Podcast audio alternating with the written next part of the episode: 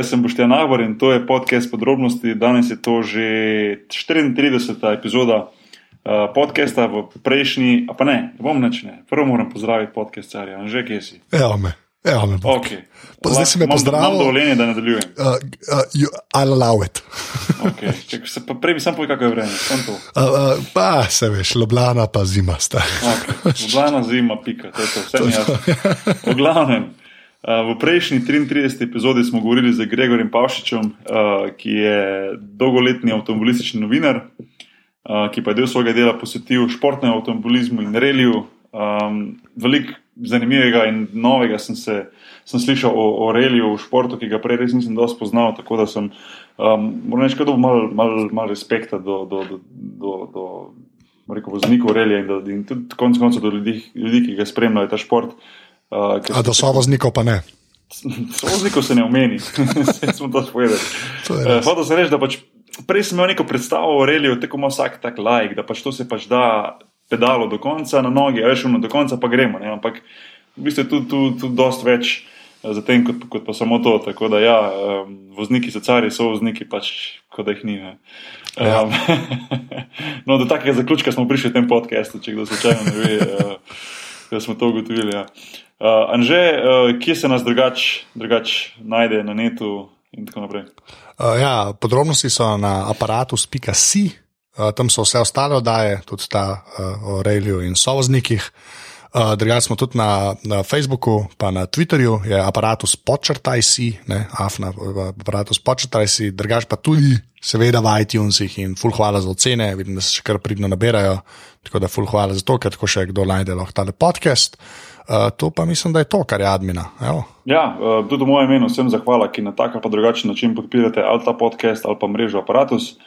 Um, jaz še vedno verjamem, da, da, da beseda največ pomeni, tako da tistim, ki, ki delite besedo naprej o tem podkastu in tem, kar delamo z Anžetom in pa nasplošno v mreži Apparatus. Uh, res iskrena hvala, ker to je pač čist nek tak hobi, ki ga pač delamo z veseljem in tisti, ki, ki ste to opazili in uh, vam je to všeč. Um, full thanks, uh, much appreciated. Ta feedback je res, je res uh, v bistvu, to je to, za kar, za kar počnemo, to je to, kar počnemo, se mi zdi. No. Jaz drugega motiva v tem dejansko res nimam, kot pa en samo uživanci v pogovoru s temi zanimivimi ljudmi.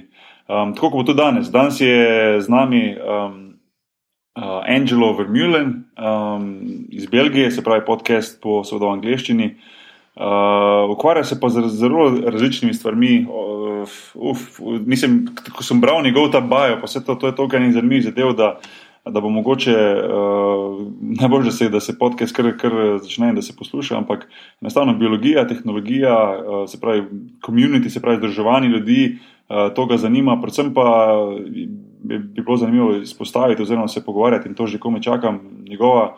Misija simulacije življenja na Marsu, ne, preživeti štiri mesece ob, ob, ob vulkanu na Havajih, ob vulkanu zato, ker bi to naj, najbolj nekako simuliralo življenje na Marsu oziroma okolje na Marsu, preživeti tam na, te, na tej bazi, nositi vesoljske obleke, kadar so stopili ven in nekako te izkušnje, dragocene, ki jih je nabral skozi to, je nekaj, kar se bo, po mojem, zelo, zelo zanimivo pogovarjati o tem.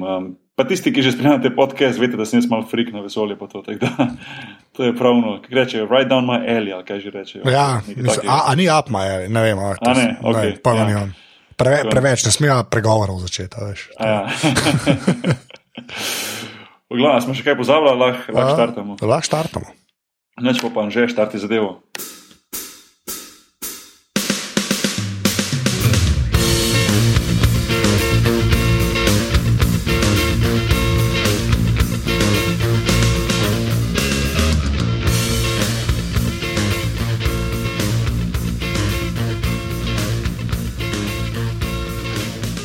Okay, uh, we got Angelo Vermeulen on the line. Uh, Angelo, how you doing? I'm pretty good. I'm at home for a change. That's good. it's always it's always good to be home. Now, now, where where is home for you? Home is in the city of Sint Niklaas in Belgium, close to Antwerp, which is a more well-known city. Uh-huh. Um, as always, we always we we give uh, our guests uh, an opportunity at the beginning to to maybe introduce themselves to the people who who maybe do not know them. Um, obviously, you you've done a lot of different things. You're involved in a lot of different things. But uh, as an introduction, maybe you can you can you can tell us how you got started. Um, you know, is an early age with your um, interest in all the areas that you're involved with biology, technology, community, and so on and so on, um, and, and got to this point where you are now. Oh, yes. Um, I think one of the labels that I often get is that I'm um, mixing art and science. And uh, I'm also talking about it myself, of course. It's not just a label that people put on me artificially. I also talk about art and science. But um, the thing is that as a consequence, people think that I've, um, because I started out studying science and then I became an artist, that I kind of evolved. I evolved from being a scientist into becoming an artist. But that's not really true. Um, actually, all those interests were always there. Uh, I remember when I was a kid, I was very interested in science. I had my own small laboratory. I even wrote on my own science magazine that I sold at school. awesome. um, but at the same time, I was very interested in the arts. I, I, I was uh, making photos. I started developing my own photos in a very simple darkroom. I was very much into literature. And so all these things were always there. But in the end, when I had to go to university, I decided to go for biology. And I, I did a PhD in biology. I became very specialized in biology. Um, but when I was doing my PhD, I decided to also study photography because I could feel that choosing for either science or either art was not going to be uh, enough for me. So in the day, I was working in the lab for my PhD, and in the evening, I was in the art school studying photography. And by the end of it all, I was both a, a, a professional biologist and a photographer. And that's where basically my current life started. I started uh, creating art, focusing more and more on art, but basically always keeping that scientific background uh, with me. And very quickly, I started using biology in my art. I started using, uh, I started creating living, uh, living artworks, artworks containing living organisms, artworks containing evolutionary processes, containing ecological processes, etc., etc. Um, and that basically led to to where I am now. And uh, that's kind of uh, the short story of uh, how it all happened. If anybody puts your name in Google and Googles it and, and looks through the through the really different areas and different projects you're involved with. There, there's a couple that I would like to uh, uh, point out or, or, or talk about. Um, uh, one of them is the project Biomod, which which Anže, uh, my co-host, we talked about it earlier. He's like, I can't quite understand what, what, what this is what this is about, and and and and you know, we, we read about it. I mean, I read about it. He read about it, but but still, I said I said let's give Angel, Angel a chance to exactly explain us um, especially for me was was really interesting to read how um, you're you're trying to uh, I don't know how to say to put together computers and and uh, and and plants or you know like like it's kind of like biology and technology you know inter- intertwined. Can, can you explain more about the the biomod project? Yeah sure. And i actually built um, i built a version in maribor uh, several years ago. So it, it has been uh, been it has been built in Slovenia. Oh, awesome. Um, mm-hmm. Yeah. Uh, well, Biomod is um, is an installation art project, but it's also a community art project. It's actually a project with many different layers, and many of my projects um, are like that. Um, you can't really put them in one single box. And Biomod is, to summarize, turning we turn e-waste, electronic waste, computers that people throw out. Um, we recover it. We check the components. We rebuild a computer network out of those components that actually works again. And then we build a living ecosystem inside the computer network that uses the waste heat of the electronics um, to grow and develop. So you have all these plant species growing together with motherboards and graphic cards and hard drives and all, everything is just living and working together. And in a subsequent stage of the project, we started connecting the biology and the technology even more uh, intricately. And what we started doing was um, we were using those networks to play computer games.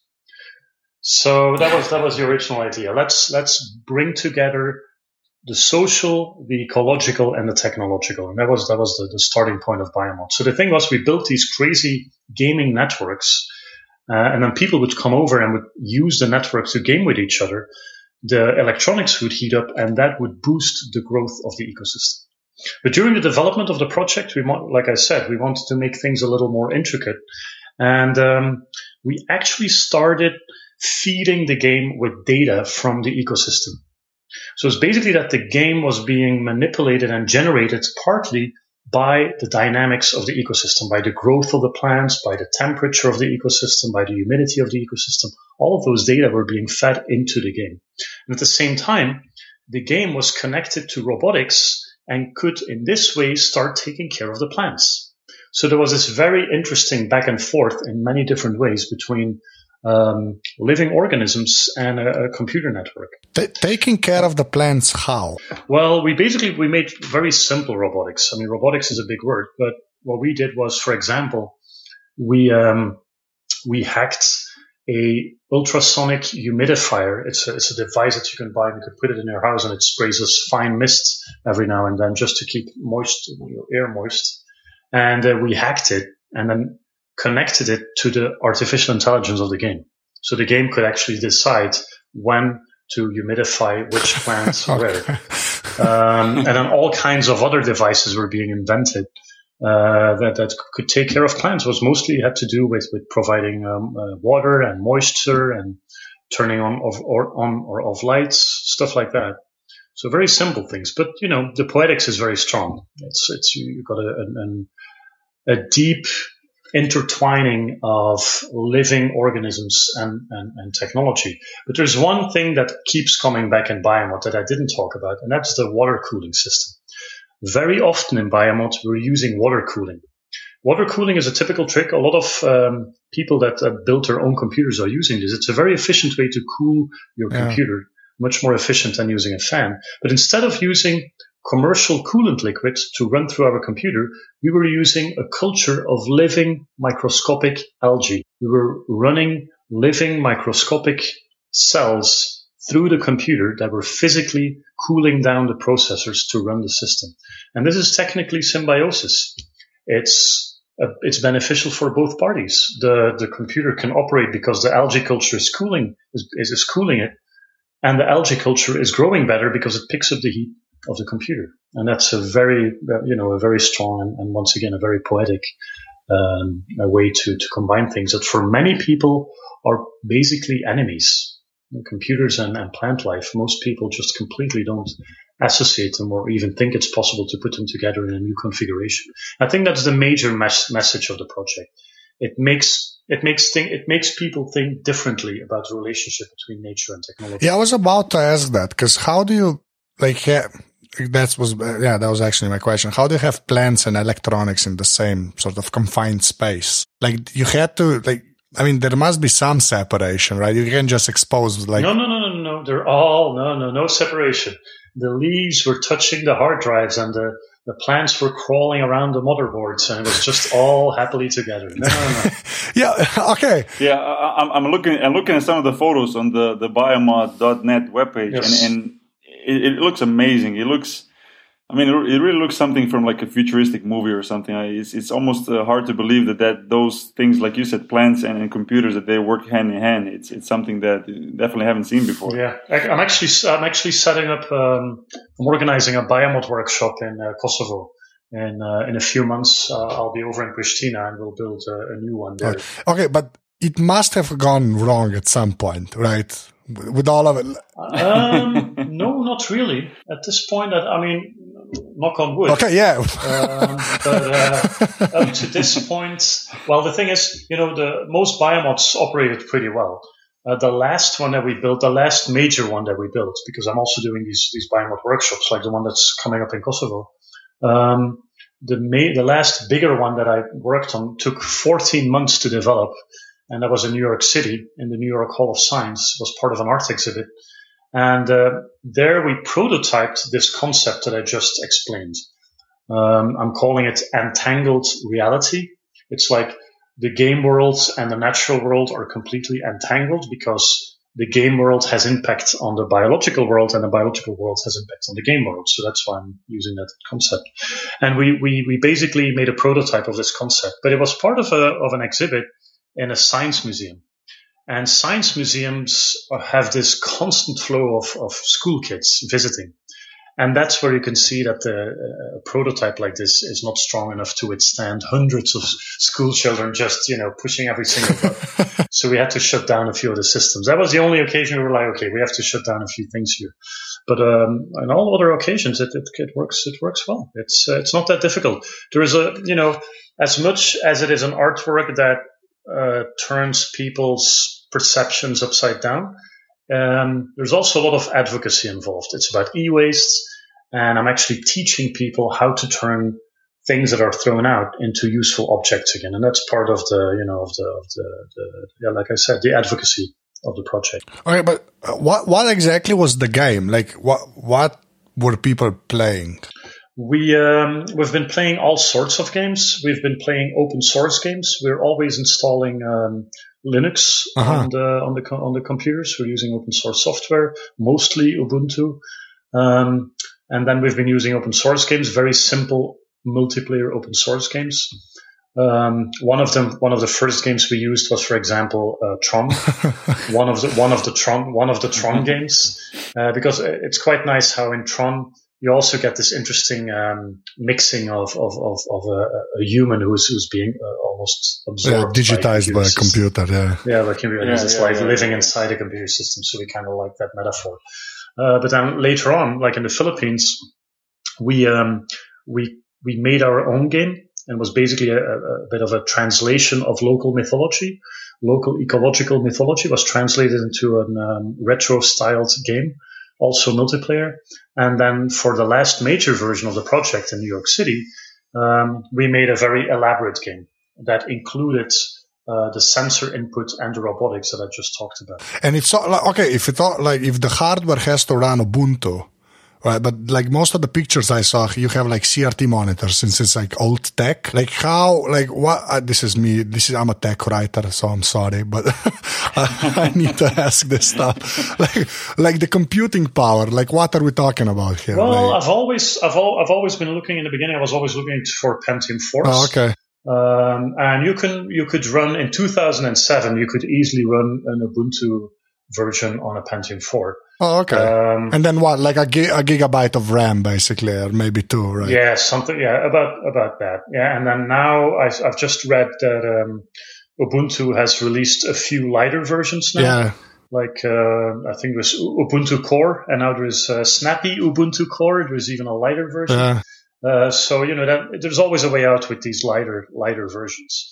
Uh, the CRT mon- CRT monitors it really depends on what, what kind of trash we find. I mean, if it's yeah. a, if it's a CRT monitor for the from the 90s, but it still has a, a proper VGA cable uh, coming out of it, you know, we can still use it. It it looks a little dated, but hey, that's retro style. Why not? Yeah, no, I, I like the that advocacy part where it's like uh, the salvaging of old tech because that's that's becoming a like a bigger and bigger problem because yes, yeah, it's getting yeah, to be ridiculous basically. So yeah, that that part I really enjoyed when I read through the site. So I know, but like it, it's like yeah, I just love that like Linux gets used um, in these sorts of ways. I think that was the point probably. Like I I, I cannot imagine a better use of Linux. Uh, than yeah. like Biomod. Like, I don't know. Just, it's, it makes sense on a couple of levels. So yeah. Oh, totally. Yeah. Yeah. And it's good for the people joining the project because most of them have never used or let alone installed uh, a Linux distribution. So it's, um, it's it's it's part of the you know part of the experience of joining a project like this. Something like the Raspberry Pi looks perfect for this.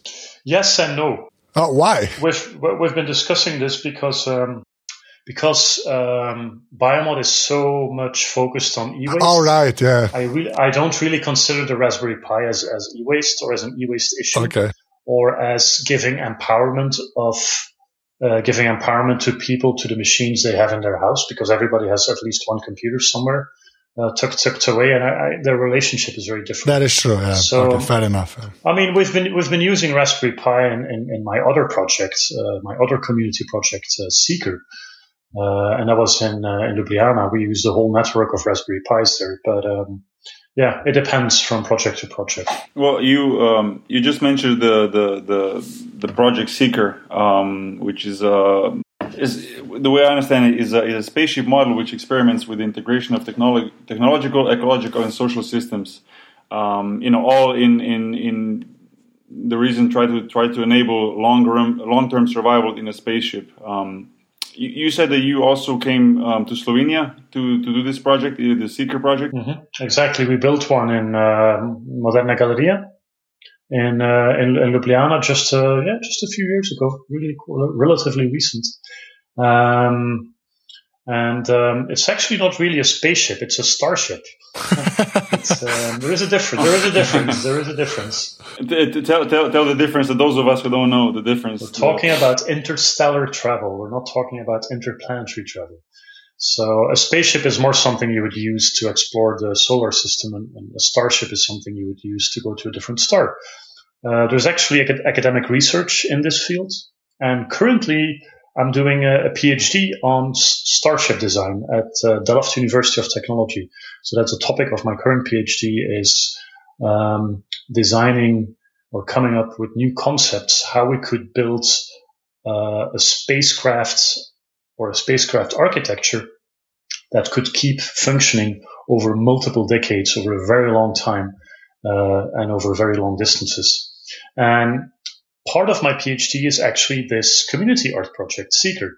And this is a grassroots project. So for my current research, I'm doing both engineering research uh, through computer modeling and to collaborating with people at universities, but I'm also using a grassroots approach. I'm basically inviting people to come up with a prototype how a starship, according to that particular community that I start working with, how it could look like.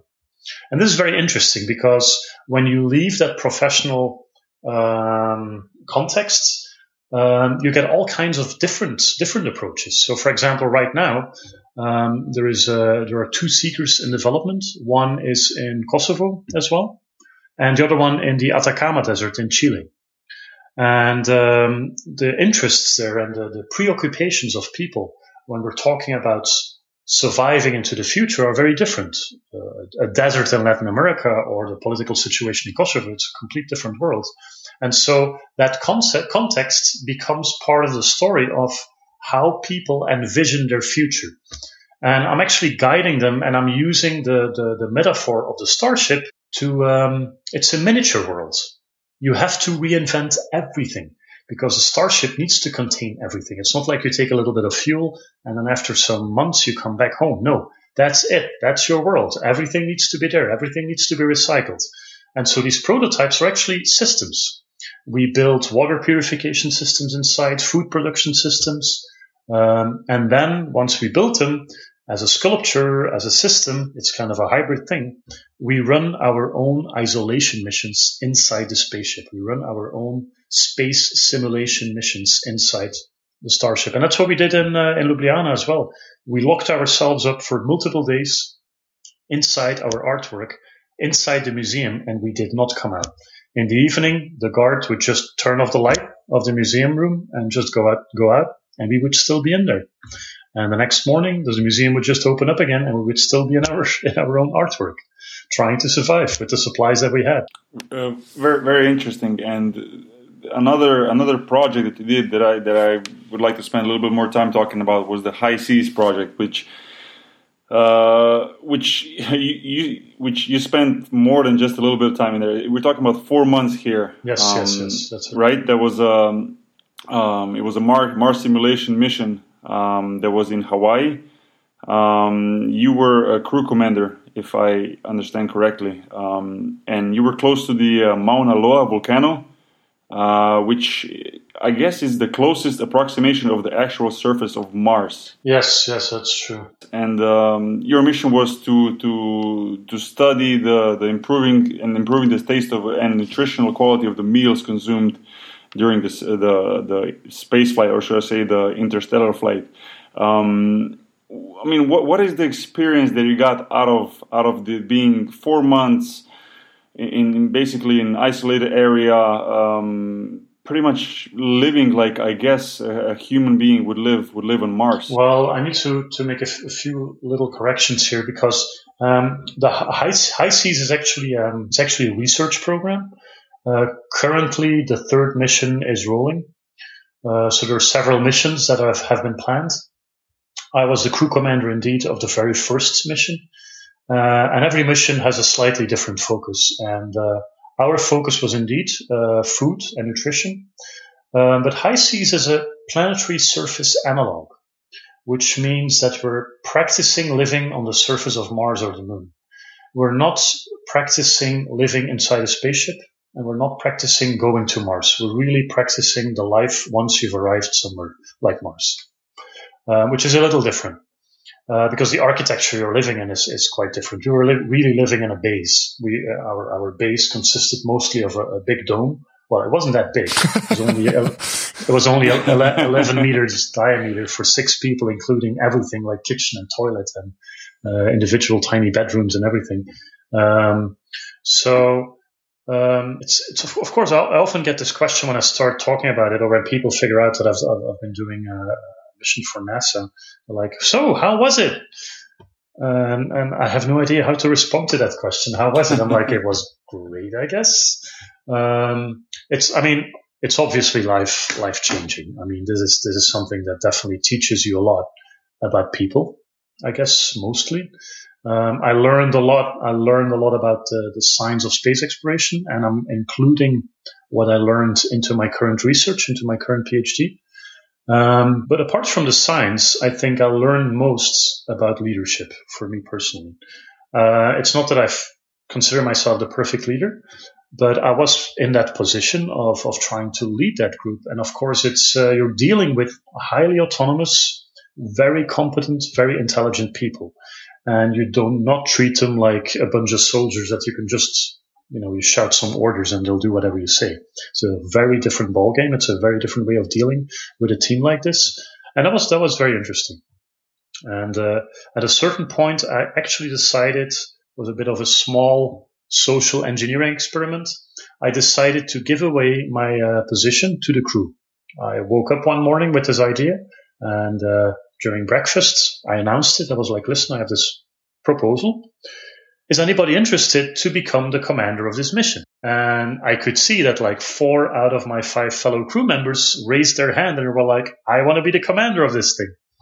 And then week after week, uh, other people took over command. And basically, I took a step back and just observed what happened and how they dealt with issues and everything. This, was incredibly, uh, an incredible learning uh, curve. I really uh, yeah, it's one of the biggest things that I took away from that. But how, that like, if it's four months, right?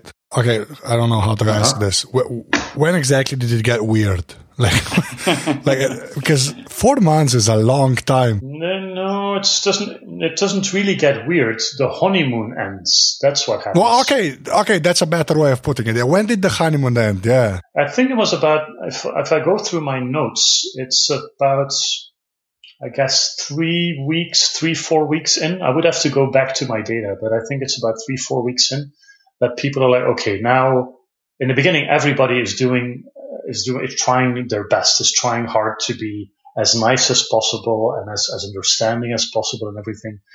And then after about a month, you know each other so well and you don't have to hide all the, the little details anymore of your personality and then you, you become it becomes a little different. It's not like after a month you start fighting because honestly, we actually had little conflict. Was quite happy about it. Uh, it depends very much from group to group. Of course, it's quite it's a little unpredictable. But one of the most crucial things when you run an experiment like this, and this is basically the, the role of the mission organizers, is to make sure that the crew is com- psychologically compatible. And some people are like, "What's that? How do you measure that?" It's not that difficult. You put, everybody knows that. You put a few people together that don't know each other and they have to do some common tasks and you immediately see who clicks together and who supports and the person that is annoying everybody else and the person who's always standing in the corner. You can see those dynamics like straight away. Uh, and that's what they did with us. You know, we were selected. We were with nine people, the finalists, and we knew that six of us were going to make it for the mission and three were going to be backup crew. Uh, and they put, they put us through a training program in, uh, in, in, uh, in Cornell University. And then based on our interactions and the training program, they selected the final six. And we were pretty well compatible. I mean, we were different, uh, different personalities, but it's also very nice. I really enjoyed the differences. there were a few there were a few extroverts, there were introverts, there were three men, three women, and, and different. I'm sorry, di- different nationalities too. Correct, Angelo? Yes, there were on all kind of levels. You know, different cultural backgrounds: Russian American, African American, Puerto Rican, European, Canadian. Um, but we all shared a Western background, of course, and that makes it easier uh, to, to, to connect. And uh, but the, diff- the differences are really crucial. Um, it keeps things exciting, and also for troubleshooting, it's it's it's fantastic to have these different approaches. But you can actually extrapolate from like when you were all at Cornell, right? You can like because I don't, I can imagine you saying like, okay, these six people are compatible, but when it goes on for four months, right? I mean, of course, of course, you have moments, you have moments when it's, you know, when there's always moments when, when somebody is like having a hard time or needs some time off or wants to, to have some more private time or when somebody's like, you know, as far as I'm concerned, I'm kind of done with this, you know, I wouldn't mind if this would stop now. Everybody has those moments. Of course, it's not, you know, and we, we did have our, our discussions. Um, so that definitely happens, but um, what you can also have is that uh, if you're not compatible, it's going to explode like in one week. Oh, okay. You know, the first week it's already going to happen. That's that's just clear. Um, I basically have seen this in my art project in Seeker, where a crew that was not selected because it's in, in, in the Seeker project, I allow everybody to to do whatever they want, and so the crew is self-selecting. And sometimes it happens that a crew like that is not really compatible because no outsider decided who, get, who gets to go. And I've seen things going wrong in like literally one hour. they just couldn't get along. So, you know, it's, uh, yeah, it's, uh, it's a tricky, it's a tricky game, but it's, it's, the compatibility of personalities is definitely crucial. Um, but the, one of the good things was that we, um, I think if I look back at it, because I'm getting, I'm getting, I'm getting more and more of a distance to the whole experience. And I think, first of all, having a level of privacy is, of course, crucial. Um, we had our personal small bedroom, uh, and that, that's your, that's your private sanctuary. You know, you, you can withdraw there at certain moments, especially in the evening or in the weekend, you know. Uh, and the other one is, is my trick as a commander was really to keep all communication channels open all the time we did a lot of talking, and that was because I, I'm a talker and I, I'm a people person, and I think talking is important. So every day we had a lot of conversation, and that's, I think, how we were constantly tuning. Uh, but other people have different styles, you know. It's it depends on on personalities, on the personality of the leader uh, how a mission is shaped. That's definitely important. Uh, like during that time, did you actually sort of stupid, but like forget that you were on Earth? Like that's a weird question. that's really that. That's the make. That's the make believe, and it's an interesting thing because I'm currently writing a, a scientific paper on the coping strategies of my crew during the mission. And uh, the make believe is really has an important part because it's on one hand, um, it's really motivating to to feel on Mars and to to to to um, to play that role, to play that script. That's even a better word. On the other hand, it's really hard to attain that level where we really are in the middle of a story on Mars because there are basically so many things that are constantly reminding you of the fact of the fact that you're still on Earth. We had one small porthole uh, window. And of course, the clouds and the blue sky immediately destroy anything that could, you know, remind you of Mars. You're constantly, uh, okay, blue sky, clouds, okay, that's not Mars. Um, the few moments when I really, and most of my crew agreed with that, when we felt um, on Mars was when we were visiting um, lava tubes. We couldn't really go deep inside the lava tubes. We could only go, we, we didn't have per- permits for that, but we could go in, into the entrance. And then basically a lot of the views were blocked off and you're in the middle of these, um, of this geological structure that also actually probably is also present on Mars. Red geological structure, no sky, in a, in a suit, in a spacesuit, a mock-up spacesuit, having radio contact with your fellow crew members. And then we started feeling something that could look like being on Mars. Now, now, I was just gonna uh, mention this or, or ask this, um, and, and you just said it that you were wearing spacesuits every time you walk outside. Uh, were, were, those spacesuits actually spacesuits um, similar to the ones that, that humans would be wearing in, in Mars? No, no, no. no. I, I mean, a spacesuit is one million dollars, so there's no way you can even approach a one million dollar suit. So the suits that we were wearing were um, were really strictly uh, were very functional in a way. And the two main functions they had was first uh, to shut us off of outside air, so you don't have any idea or feeling about temperature and air uh, at all. And the second one is to inhibit or to, to make your movements uh, more difficult.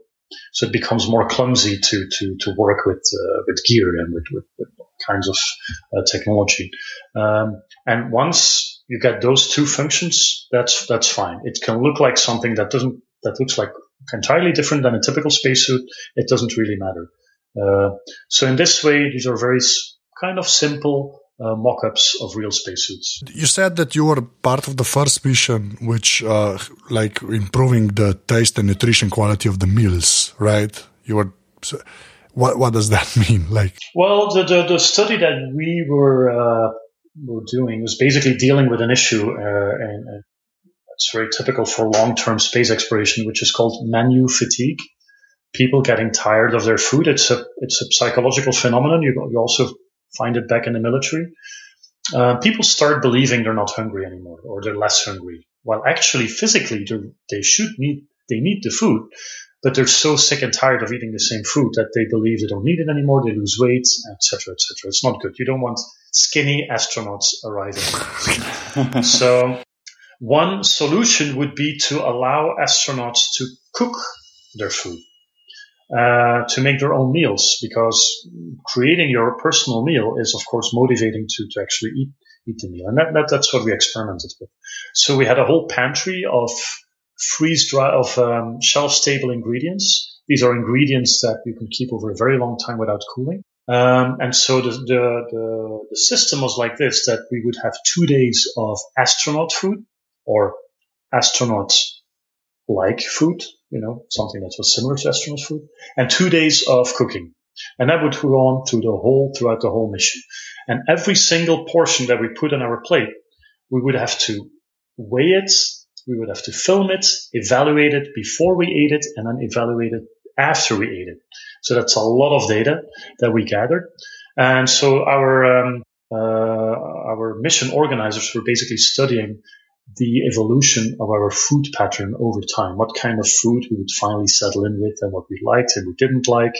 And um, so that was that was basically the study. And honestly, I didn't I don't have the data myself because typically what is like in, in, in what is typical for space exploration is that when you're an astronaut, you um, you're an operator, you run an experiment, but you don't analyze the data yourself. So I'm not analyzing those data, but I do have my personal observations, of course. And as you can expect, the meals that we cooked ourselves, even though these were shelf stable, stable ingredients, were way more popular than the, than the, than the ready meals that we were eating, obviously. And there are a lot of interesting social and psychological benefits to, to the cooking. Uh, uh, first and foremost, when you're, we were always cooking with two. And uh, so being with two in the kitchen, immediately, you know, when people are, are making a meal together, they start talking and sharing things. This is very crucial. Like I said before, I, I believe that communication, keeping the communication lines open is very important when you lock people up. So that was really good. But also it's an outlet for creativity. And that's really something you start missing because everything is pretty similar every single day. So making something new, something novel that hasn't been there before is really very gratifying. So even cooking a completely new invented meal is, is very gratifying. And then uh, finally serving it to the crew and sharing it and getting feedback on the meal is also really interesting from a social perspective. And it really generates discussion, appreciation, or critical uh, comments, but it, it, you know, it generates dialogue. So it's interesting on all these different levels. But then the big disadvantage is time. It takes time to cook. A ready meal, like, you know, it's just you add some water, you heat it up in a microwave and it's done. And so my guess is that for the future, Cooking will probably be part of, of future space exploration, especially when people are living on a, on a planetary surface. But it will be balanced with with uh, ready meals and the traditional astronaut food because sometimes you, you don't want to cook, you just want to work. You've got a lot of work to do. Well, uh, I, I, don't know if I could adjust to that, uh, Anže. Could you live like this for four months? Well, uh, yeah, this, we're both tall. We should say that. yeah, we're both. Ah, okay. Yeah, yeah, but I think when once I think once you're over like two meters, like we are, uh, Yeah, Oh we're God, both. yeah. Uh, I guess what we're gonna say 205, 204, something like that. Yeah, yeah. Yeah, we're, we're not built for the stuff like that. like, yeah, Yeah, 4 you- months in a dome. I don't know. You know, it's, it's, uh, sounds awful, honestly. Like, uh, Okay, okay. Yeah. What was your communication with the outside world? Um, did you actually live there as if you were in Mars, which means probably uh, that communication was slow and there was some some lag when you were sending messages back and forth to the to the let's say outside world? During our mission, the actual um, communication system that NASA was, was putting in place was, was still under development. So the first part of our mission, uh, we actually still had internet access. We did not have any real-time communication. No, uh, no SMSing or phone calls or Skype calls or anything like that. Um, but then after some time, our email got delayed, uh, 20 minutes one way. So it took 40 minutes for a message to go back and forth or to get a response to your message. And email got, and internet got blocked, except for a few uh, necessary sites. So by the end of the mission, everything was pretty much like it would be on Mars. but, but like, like, really, you could actually, oh, this is, uh, like, if you can send an email, right? Like, like how, how, like, how much data can you actually send to Mars? Oh, it's uh, it's it's not too. I mean, it's not too bad. I mean, you, it depends. Do you want to send a high a high resolution video? Well, file? yeah, of okay. Course, it's going to take a lot of bandwidth. But for, but for but an email, really, that's how many characters is that? That's not. I mean, with contemporary technology, that's not so much bandwidth. That's that's perfectly feasible. All right. And it's, uh, you said 20 minutes each way, right? So it's 40 minutes. 20 minutes each way, yes. I mean, I mean, the, the, the Mars rovers are sending high definition photos from the surface of Mars, and it's not like a, a huge problem. So, you know, Yeah, that is true. Yeah, okay. I yeah, forgot about that. Yeah. There's rovers on Mars. That still blows my mind. yeah, well, okay, fair enough. Yeah. Angelo, would you do that mission again? Would you sacrifice four more months to do another uh, Mars simulation mission? yes, of course, you know, of course. And, um, um, honestly, I'm looking around for more, more opportunities to do similar stuff. But I wouldn't do the exact same mission because, you know, I, I need some, um, I also need some novelty. Uh, but if it would be a, if it would be a different a different system, a different base, um, a different research uh, strategy or topic, I would definitely be interested to continue this kind of uh, this kind of work for sure. And like I said, I'm running my own mini missions in in uh, in, Seeker, so you know, I'm, I'm, in a way, I'm still I'm still doing it, but of course, much shorter. Although we're making plans to make the missions in Seeker longer than just a few days. You could probably be the uh, the first person that I could uh, ask directly a question that I always uh, wonder, and uh, and Anže knows this. Um, you know how how far is the human race to actually going to Mars? I mean, we hear so many things about different private companies, you know, such as SpaceX or Mars One, uh, and so on and so on, which are which are trying to uh, basically send a human being to Mars. Um, but since you probably know a lot of scientists, a lot of people in that field of um, exploration, uh, of uh, exploring the space, um, what what would be your answer? How how close are we? Well, the dr- the dream of going to Mars has consistently been th- 30 years ahead. Um, in the in the year in the 70s, they thought they were going to go to Mars in 2000. In 2000, they thought it was going to be 2030.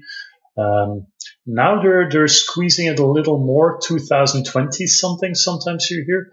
Uh, honestly, um, it's a very political thing. I mean, technically, we could go to Mars. Um, um, you know, we could we still have to develop new technologies, but we could we could pull it off. Um, but the country that probably has the most uh, the most uh, how to put it R and D on, on in the field of go, you know to go to Yeah. Mars is probably probably America, probably NASA. But they're so depending on Congress, so you know the budget is just fluctuating so much. It's very hard. The thing is, there is no Apollo program for Mars. That's a big difference.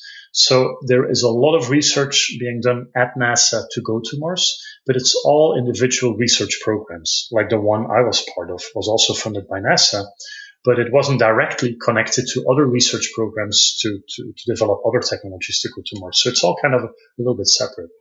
But if, you know, if if they if they, if they would get the go ahead and a proper budget, they could pull it off relatively soon. So it's a little hard to say because it depends so much on the politics. But then there's of course all those private companies that you just brought up, like Indeed, SpaceX. I think Elon Musk just recently brought it up again that he wants to set up a city on Mars for thousands of people. Uh, there's Mars One. Um, and then there is Inspiration Mars. I think those are the three ones that you, you see in the news the most most often. Inspiration Mars is probably the most realistic one because they want to set up a flyby mission. So they don't want to land on Mars. They just want to send a couple in a flyby to Mars and back. And I think that's to me seems the most realistic one. The, the date they always kept in mind was like leaving in 2018.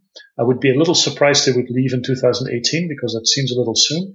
But, you know, a few years later, I, I guess it, it, it could be feasible depending on the launch window because you can't just go to Mars whenever you want.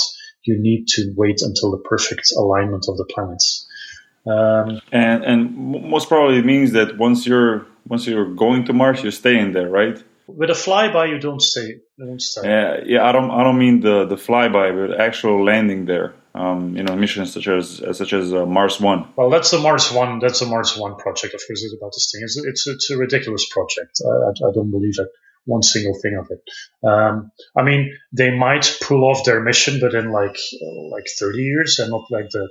the thing is the time, uh, the planning they put forward is complete. They're already they already admitted that the original plan they had is completely impossible, and they pushed things already with several years. And I think they, they're going to keep on pushing things because it's totally unrealistic how quickly they wanted to solve all the problems. And one of the things they're always saying at Mars One is like, you know, all the technology is available. It's just about putting all the technology together and just go. And that's just totally not true. There is no Mars base at this point. Nobody has a proper design for a, a fully functional and fully safe Mars uh, Mars living quarters. It, it has to be developed. Um, there is at this point no system to land humans on Mars yet that properly has been tested. It's not available. None of those technologies is properly available. There are bits and pieces and ideas. So, and that takes time. And if you really squeeze things, you run the risk of having accidents. And I would be so unhappy if they would cause the first you know, commercial space. I mean, we had a commercial space accident actually quite recently with Virgin Galactic. Uh, but if they if they would if, if Mars One would screw up in going to Mars, that would be really bad for commercial space flight. So personally, I'm like, you know, don't don't rush it so badly. You know, you're you might end up in trouble, but it's all about a TV show.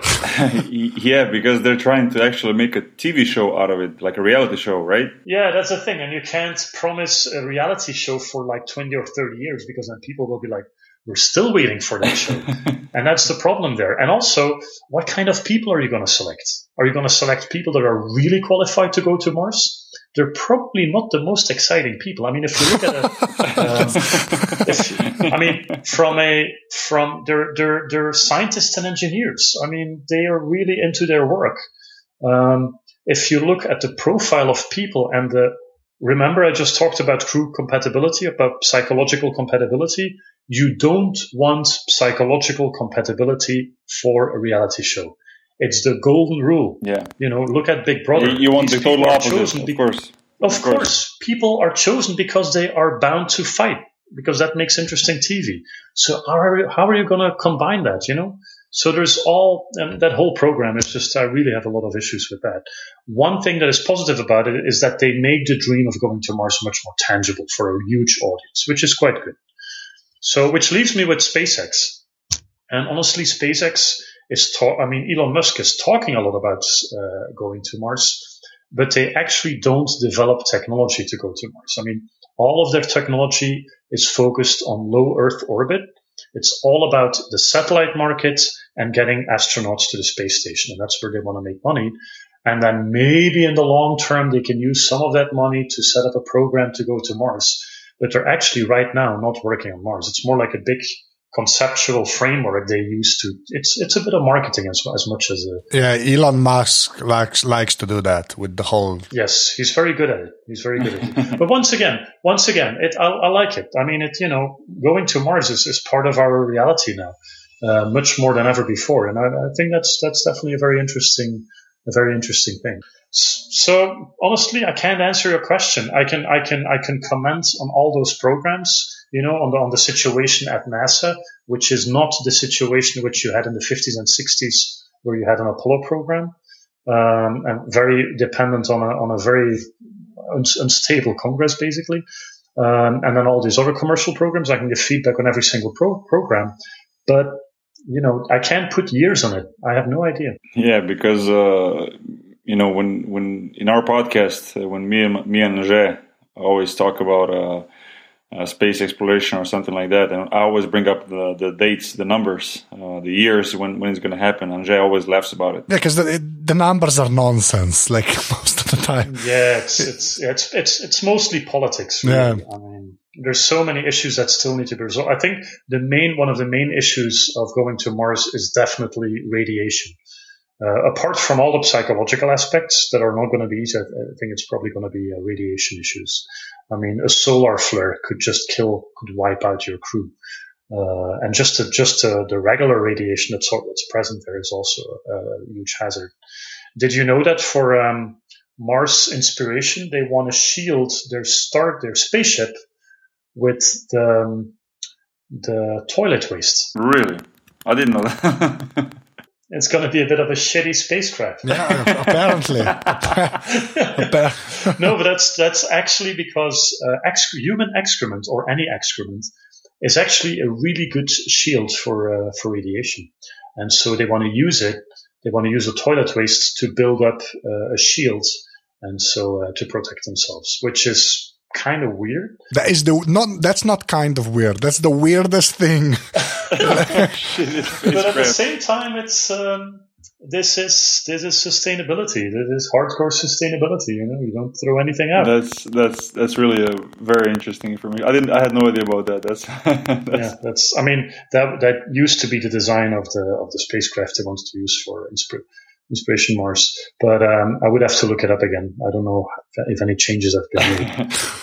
what about the the thing that we hear about terrafor- terraforming the planet?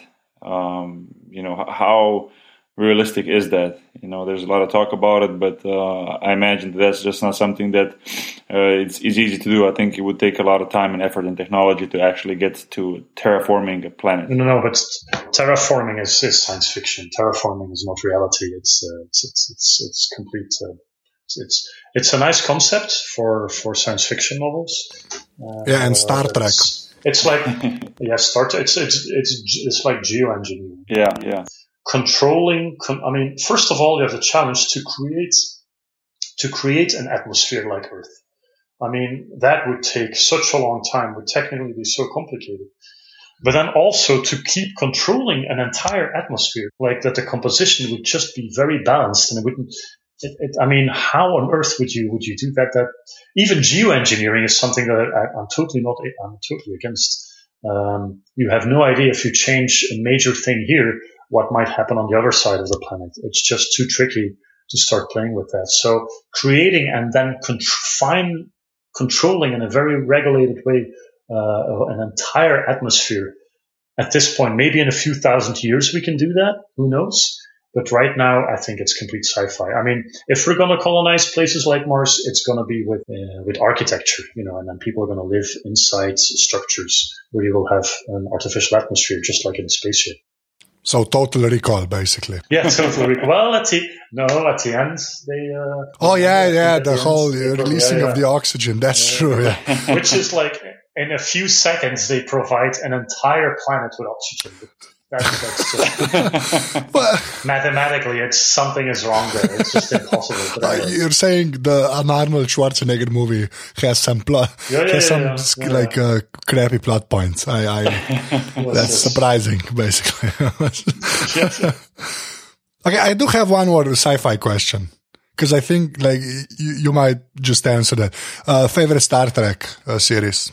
I'm just gonna ask. My favorite Star Star Trek series. Because I'm betting you have an answer. You have an opinion on that because you do starship design. There's no, no, yes, yes, but I'm, I'm I have not seen all of Star Trek yet. I'm not such a big Star Trek or Star Wars fan. To be oh, okay. Um, and I actually was very charmed by the reboot of Star Trek.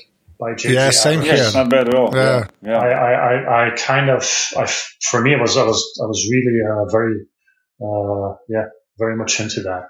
And the sci-fi series that I've, I've followed a few years ago very intensively was Battlestar Galactica. Oh, awesome.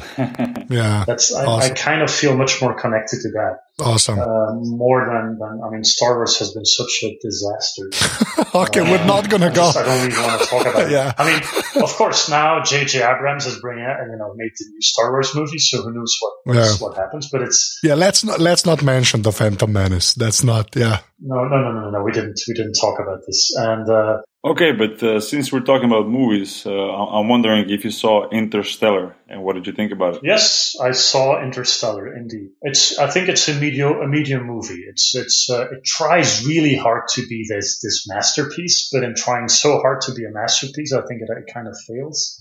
It's a good sci-fi movie, but that's about it.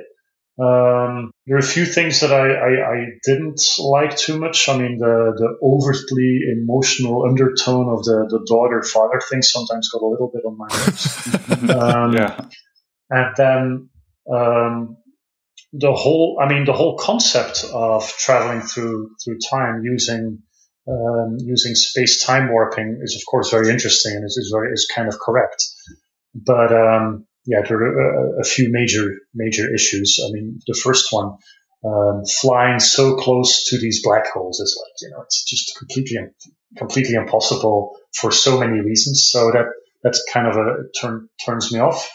Um, and then also, ironically, at the end, when uh, the main character is in this geometric structure uh, of time and space, it's interesting how you know they try to represent uh, uh, time and space as a, a data set, basically, and you can just walk back and forth in this data set. But then the individual data within this huge data set are very traditional linear stories. You know, it's a regular video you see in front of you. So of course, this is where everything just can't be represented anymore. You know, you're you're trying to cut up time and space, and in the end, you have little chunks of regular regular moments of life, which actually would be impossible. So it's a poetic representation. It was quite well done, um, but sometimes a little far fetched. So I, I liked it, but you know, it's it's. I didn't have this feeling like, oh my god, this is like it. it almost felt sometimes like it so badly wanted to be uh, 2001: A Space Odyssey. You know, it wanted to be this new, the new one uh, for this era, and I don't think it succeeded in that. But it's still a nice movie. yeah. I don't know. I, I kind of liked In- Interstellar. I, I was really excited to see how they're gonna portray uh, the whole interstellar stellar travel. You know how the spaceship is gonna look like, how they're gonna go through the wormholes. You know, visit different galaxies, different planets, and so on and so on. And uh, it kind of reminded me a little bit of a movie that I saw maybe 10, 15 years ago uh, called Contact, Uh huh. Yes. which uh, which I really liked. Um, Anže, you saw Interstellar, right? yeah, yeah. I saw it. Well, yeah, I'm a I'm a Chris Nolan fan, so yeah, yeah. But like, yeah, well, it's a good sci-fi movie, but it like it has really high highs and then some pretty low lows. yeah, yeah, of course. Yeah. yeah. One of the one of the one of the sci-fi movies from the last dec- decade or so that was probably one of my favorite ones was uh, Sunshine. oh, Sunshine is awesome. Danny Boyle, yes. I really like, yeah, I really like. Some people complain because at the end it becomes a bit, bit more of an action movie. It never really bothered me that much. I actually Same here. I, I, I, I was perfect. But those, I, I saw it like twice in the cinema, and just those images of the sun, and then the conversations of the crew, and and the dis, the crew gets like dysfunctional, and then it, the whole the art, the art design and everything. I, I really, um, yeah, I really love, love that movie a lot. Oh yeah, okay. I com- I completely agree. Yeah. and I, I- I felt more compelled by that movie than by uh, Interstellar. Same thing with Gravity. Yeah. I, Gravity is a Gravity is a shitty movie. um, it's I always say that it's a it's a texture artist movie. Did you see how many texture artists worked on the worked on this movie? If you look at the, at the credits, it's amazing. It's a whole group of texture artists. That's those are the artists. It's their movie, and it's beautifully done. I, I've seen it uh, in 3D on a big ass screen, and uh, of course it looked gorgeous. But come on, the acting and then the, the dialogues. Oh my god, and the script it's so bad. Yeah, but not as bad as Avatar. So you know. Yes, uh, and then the yeah, and then the moment at the end when our hero she she stands up and then she walks uh, on shore. Yeah, just like all this very typical Hollywood typical, uh, typical. techniques. Nothing. I've nothing against Hollywood, honestly, because I think Hollywood produces fantastic movies, but sometimes they use the they use certain cliches a little too much, and then you're you know you know what's going to happen next, and that's kind of uh, disappointing. Angelo, what are your plans for the uh, for the future? I mean, what are you doing? What are you doing now, currently, and and where do you wanna where do you want to be? Where do you see yourself in, in let's say five to ten years? Um, well, like I said, I'm now starting my fourth year of my PhD on, on, on Starship uh, development at Delft University of Technology in Holland. And, uh, you know, I'm starting to prepare manuscripts and I'm going to wrap up some, some computer modeling. And I'm hoping, you know, the idea is that in 2016, I'm wrapping up that PhD. Um, and then I want to continue finding my way in the world of space exploration. So that's definitely part of my academic amb- ambitions. But um, there's a whole group of people that I'm working with. All the stories that I've told you about Seeker and Biomodd uh, are community projects. They're community driven. They're done with lots of people. Uh, we built these systems with groups of people. That's my, my, my interest. That's how I became a commander, by the way, because of my experience uh, working with communities. And um, with my closest allies, uh, we've decided we wanted to, we want to scale up and we want to turn our movement into a more bigger, um, a bigger movement. So far, things like Biomodd and Seeker were always one-off projects in a different location, and then there, and then there.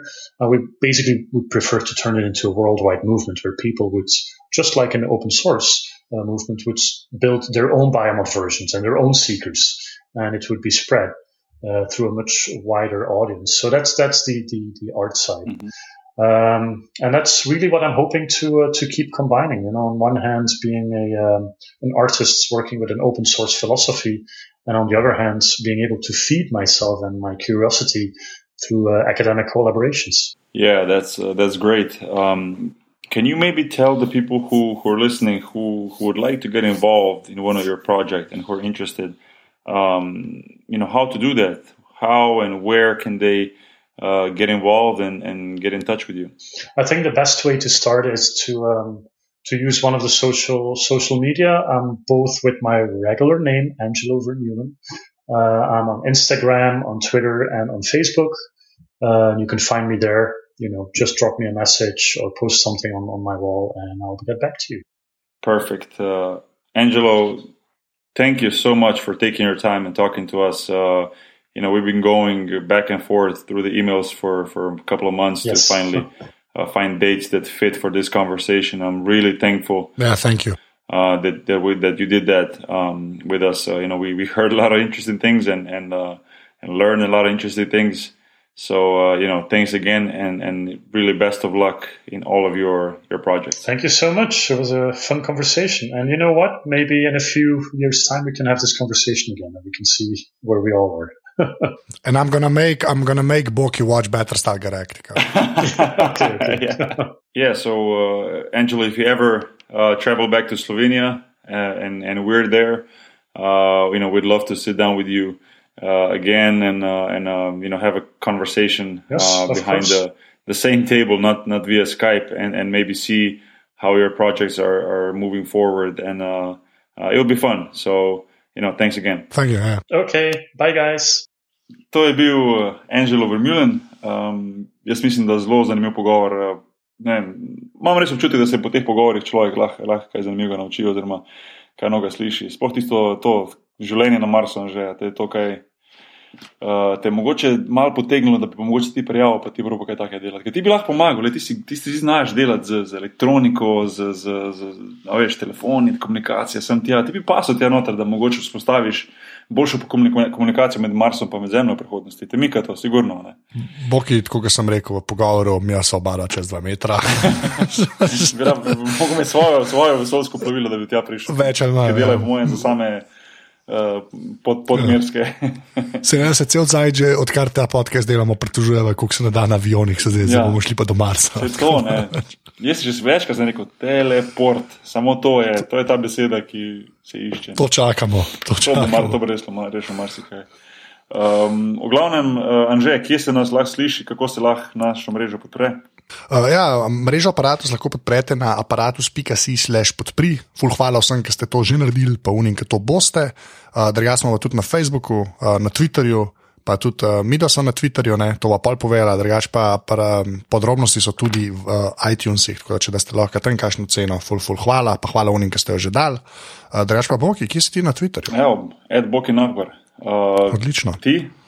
Uh, Afna Anzeta. ZT. Um, ja, jaz bi rekel, rekel, rad rekel še enkrat v mojem imenu, vsem hvala za tisti, ki, uh, ki, ki podpirate mrežo oziroma podcast, pa tudi tistim, ki nekako pomagate so ustvarjati konc koncev ta podcast, zato ker vsi tisti zanimivi komentarji, ali pa ne samo komentarji, tudi ideje, ki jih dajete, pa kak zanimiv članek, ki ga pošljete na Twitterju, da ga, da ga jaz in že lahko preberemo, vidimo, to nam nekako daje, bom rekel, ideje za naprej, kakšne goste zbirati, v kakšno smer razvija ta podcast. Tako da uh, tudi tisti, ki ste predlagali par zanimivih gostov, uh, če ne bo točno ta oseba, pa mogoče nekdo iz tistega področja. Tako da um, tudi v prihodnje lahko pričakujete ljudi, osebe iz različnih področji, um, ki pa imajo vsak svojo zanimivo zgodbo in, in zanimivo življenje in kariero. Tako da uh, se že veselim novih, novih podcastov in novih pogovorov. Uh, Anže, smo vse povedali. Vse smo povedali. Pa pa to to. Pa pa najbolj, da zaključimo. Zaključimo. Nič. Ajde, Srečno.